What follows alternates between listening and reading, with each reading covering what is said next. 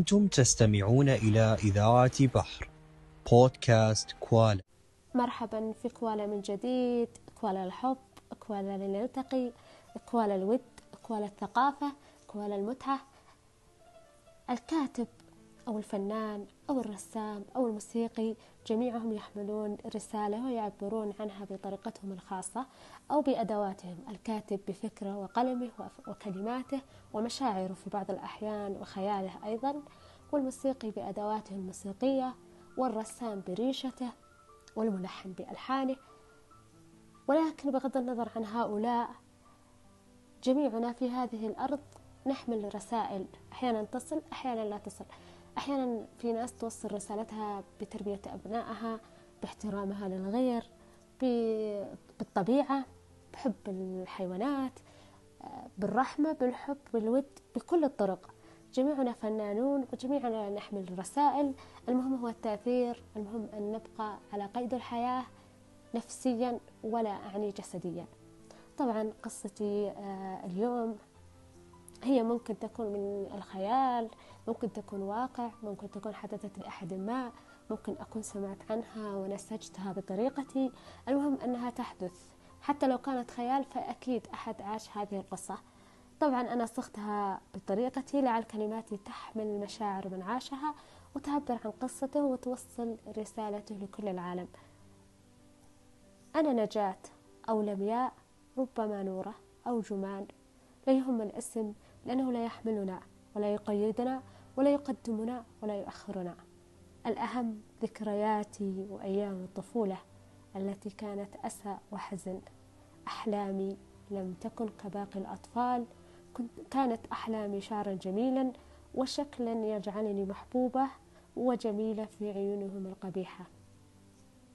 نعم قبيحة لأنها تحدها معايير مجتمعية وتأثير ولأنهم يحكمون علينا كفتيات بالشكل الخارجي بدون الالتفات إلى الروح أو الخلق أو ما نحمل من معاني ولا نستحق أن نعيش الحياة ونحن هكذا.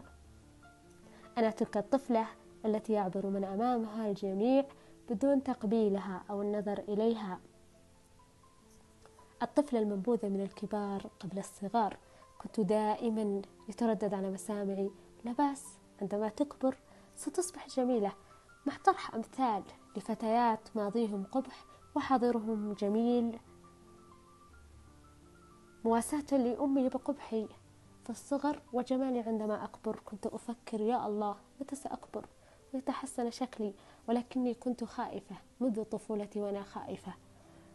كنت خائفة أن أكون مثال على القبح في صغري والجمال في كبري وأصبح مثل فلانة وعلانة في كل مجلس يذكرون بقبحي في الصغر ويذكرون بجمالي في الكبر. تقدمت الحياة وأنا ما زلت قبيحة في عيونهم.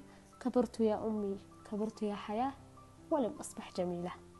كان الأمر أشبه بطعنة لا يعلم المريض مكانها ولا يستطيع, ولا يستطيع الطب علاجها. نساء عائلتي في كل مناسبة حديثهم لأمي عن أدوات الجمال والتزيين وتحسين شكلي لكي أصبح جميلة. أو على الأقل مقبولة. كنت أشعر أنني لعنة على أمي أو ذنب عليها تكفيرة. في الحقيقة أنا كنت لا أبالي أمامهم ولكن أتآكل من داخلي وقلبي حطام ومشاعري متناثرة أشلاء ومخدتي وسريري يشهدون معاركي وهزائمي من نظراتهم ومن حديثهم. أتجاوز المرايا حتى لا أرى القبح الذي في عيونهم ولا تنعكس بنظراتهم التي أحرقتني في كل سنوات عمري.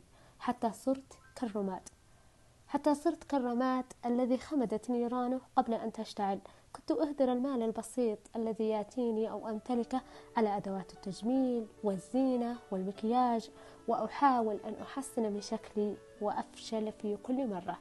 لأن نظراتهم لم تتغير ولم أنال إعجابهم ولم يبصرون جمالي على العكس تماما قل تقديري قل وجودي وأصبحت كالعدم في عيونهم وفي مكاني في منزلي في مجتمعي في كل مكان أكون فيه. تزوجت أختي الصغرى قبلي وهنا كانت الأزمة الحقيقية لأننا في مجتمع الزواج هو بطاقة العبور لكل فتاة والزواج هو من يقيمنا كفتيات. والزواج هنا لا يخضع لمعايير الحب والود والاختيار والسلام. الزواج فيه هنا يتمثل على شكل الفتاة ومدى جمالها وعلى اختيار أهل الزوج.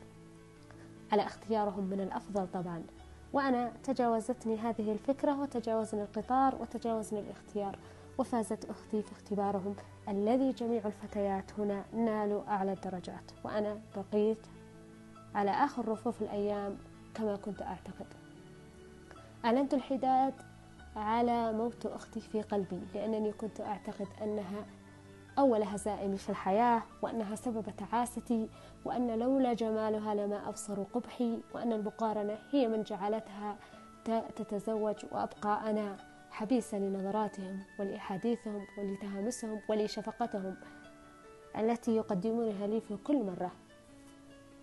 في يوم من الأيام تقدم لخطبتي شابا لم أعتقد أني سأحظى به.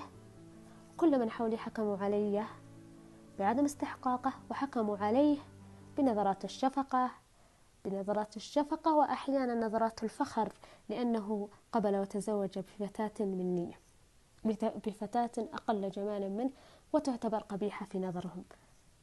دخلت هذا الزواج وأنا أرفع رايات الانتصار وأنا أردد أنني فزت وأنني جميلة وأنني تم اختياري وأن هذا الشخص ما اختارني إلا لأنه رأى شيئا فيني يميزني عن غيري وأنني محظوظة وأنني أخيرا حصلت على الأمل الذي كنت أنتظره في سنوات عمري. خاب أملي. دخلت هذا الزواج وأصبحت خسائري أعظم. أصبح هذا الرجل يتفضل علي أنه تزوجني أنه دخل معي في علاقة أنه ارتبط بي وأنني لا أستحقه وأنه يستحق الأفضل. ودخلت معه في دوامة التبرير والاعتذار والمحاولة لإثبات جمالي أو إثبات على الأقل أنني أنثى وشكلي مقبول شعرت بكل مشاعر الأسى في هذا الزواج وعدم التقدير. لم أخبر أحد لم أتكلم لم أجرح ولم أعلن الحرب عليه. كنت باستمرار أدعي أن يرزقني الله بذكر وأن يحرم علي إنجاب الفتيات حتى لا أكون مثالهم الأعلى في حال كان القبح قدرهم. خرجت من نفسي ومن قلبي وأصبحت كارهة لشكلي ونفسي وكل من حولي. أصبحت الأيام متشابهة في نظري والليالي تفكير وهم وفقدت طعم النوم ودخلت في دوامة من الحزن والجمود. حتى مرضت ولم أعد أنا. كسرت كل ما في منزلي.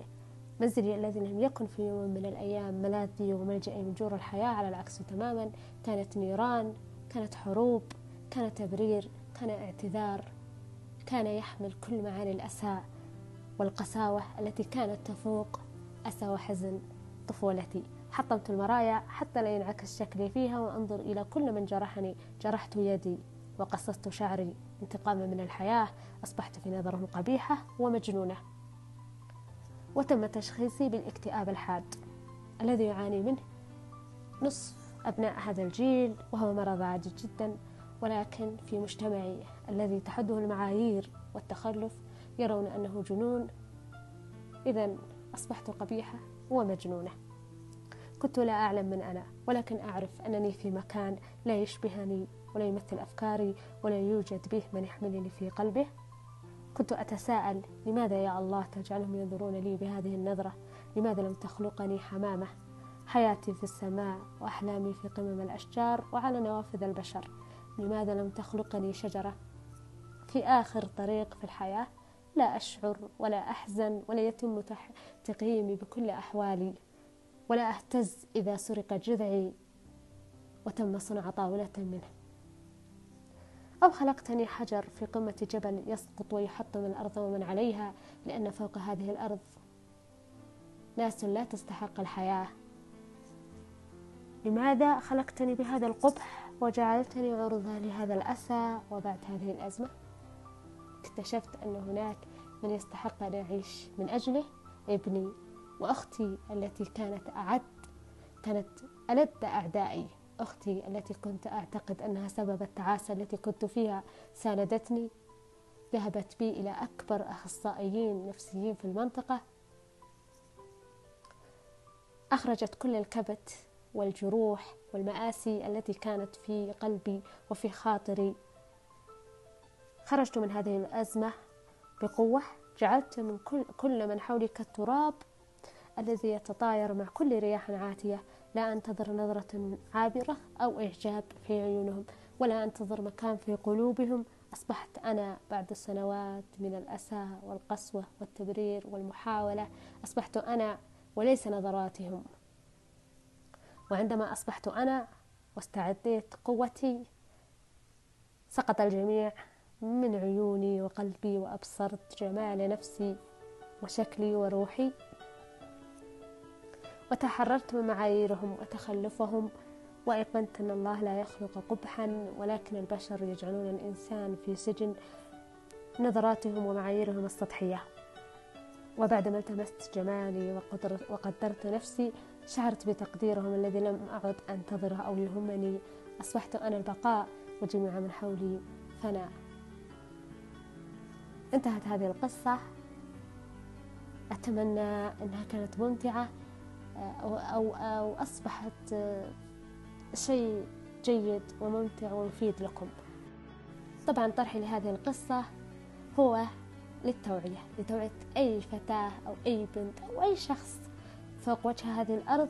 ويسمعني لا تجعل الآخرين يقيمونك لا تنظر لنفسك من خلال نظراتهم لا تنتظر نظرة إعجاب منهم ولا تصفيق على نجاح معين. أنت شخص جميل الله ما خلقنا ليقيمونا. الله خلق الجمال ويحب الجمال والقبح في الأرواح.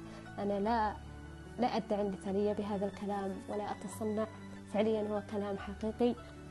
كذلك أنا ضد الكبت أي شخص يشعر أنه أنه تم جرحه ويشعر أنه تم الغلط عليه أو الإساءة له يتوجب عليه أن يرد حتى لا تبقى في قلبه ويثور ويخرج من نفسه كبطلة القصة لأن الكتمان هو من أشد وأكثر شيء مؤلم يحدث للإنسان في حياته.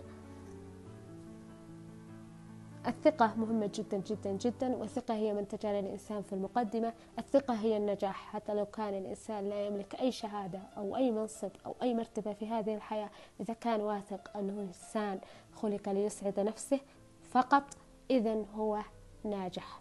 في ناس عندها نجاح في سجلات الحياة ولكن لا تملك الثقة. لذلك دائما هي في دائرة التبرير والمحاولة لإثبات شيء ما للآخرين. خليكم واثقين من أنفسكم خليكم حابين أنفسكم. من حقكم أن تمدحون أشكالكم من حقكم أن تجعلون من أنفسكم أساطير. لكم الحق في كل ذلك ومن حقكم أيضا أن يحترمكم الآخرين وألا يقيمونكم بنظرات جارحة ولا يحكمون عليكم بأشكالكم. أو ألوانكم أو أي ما كان في حياتكم. انتهت قصتي وانتهى حديثي وانتهت حلقتي لكن أتمنى أنها نالت الإعجاب أو أنها أثرت فيكم فيكم أو أنها أنارت على الجانب الإيجابي اللي فيكم. سلام الله عليكم ورحمته وبركاته ودمتم بخير وفي خير. إلى اللقاء.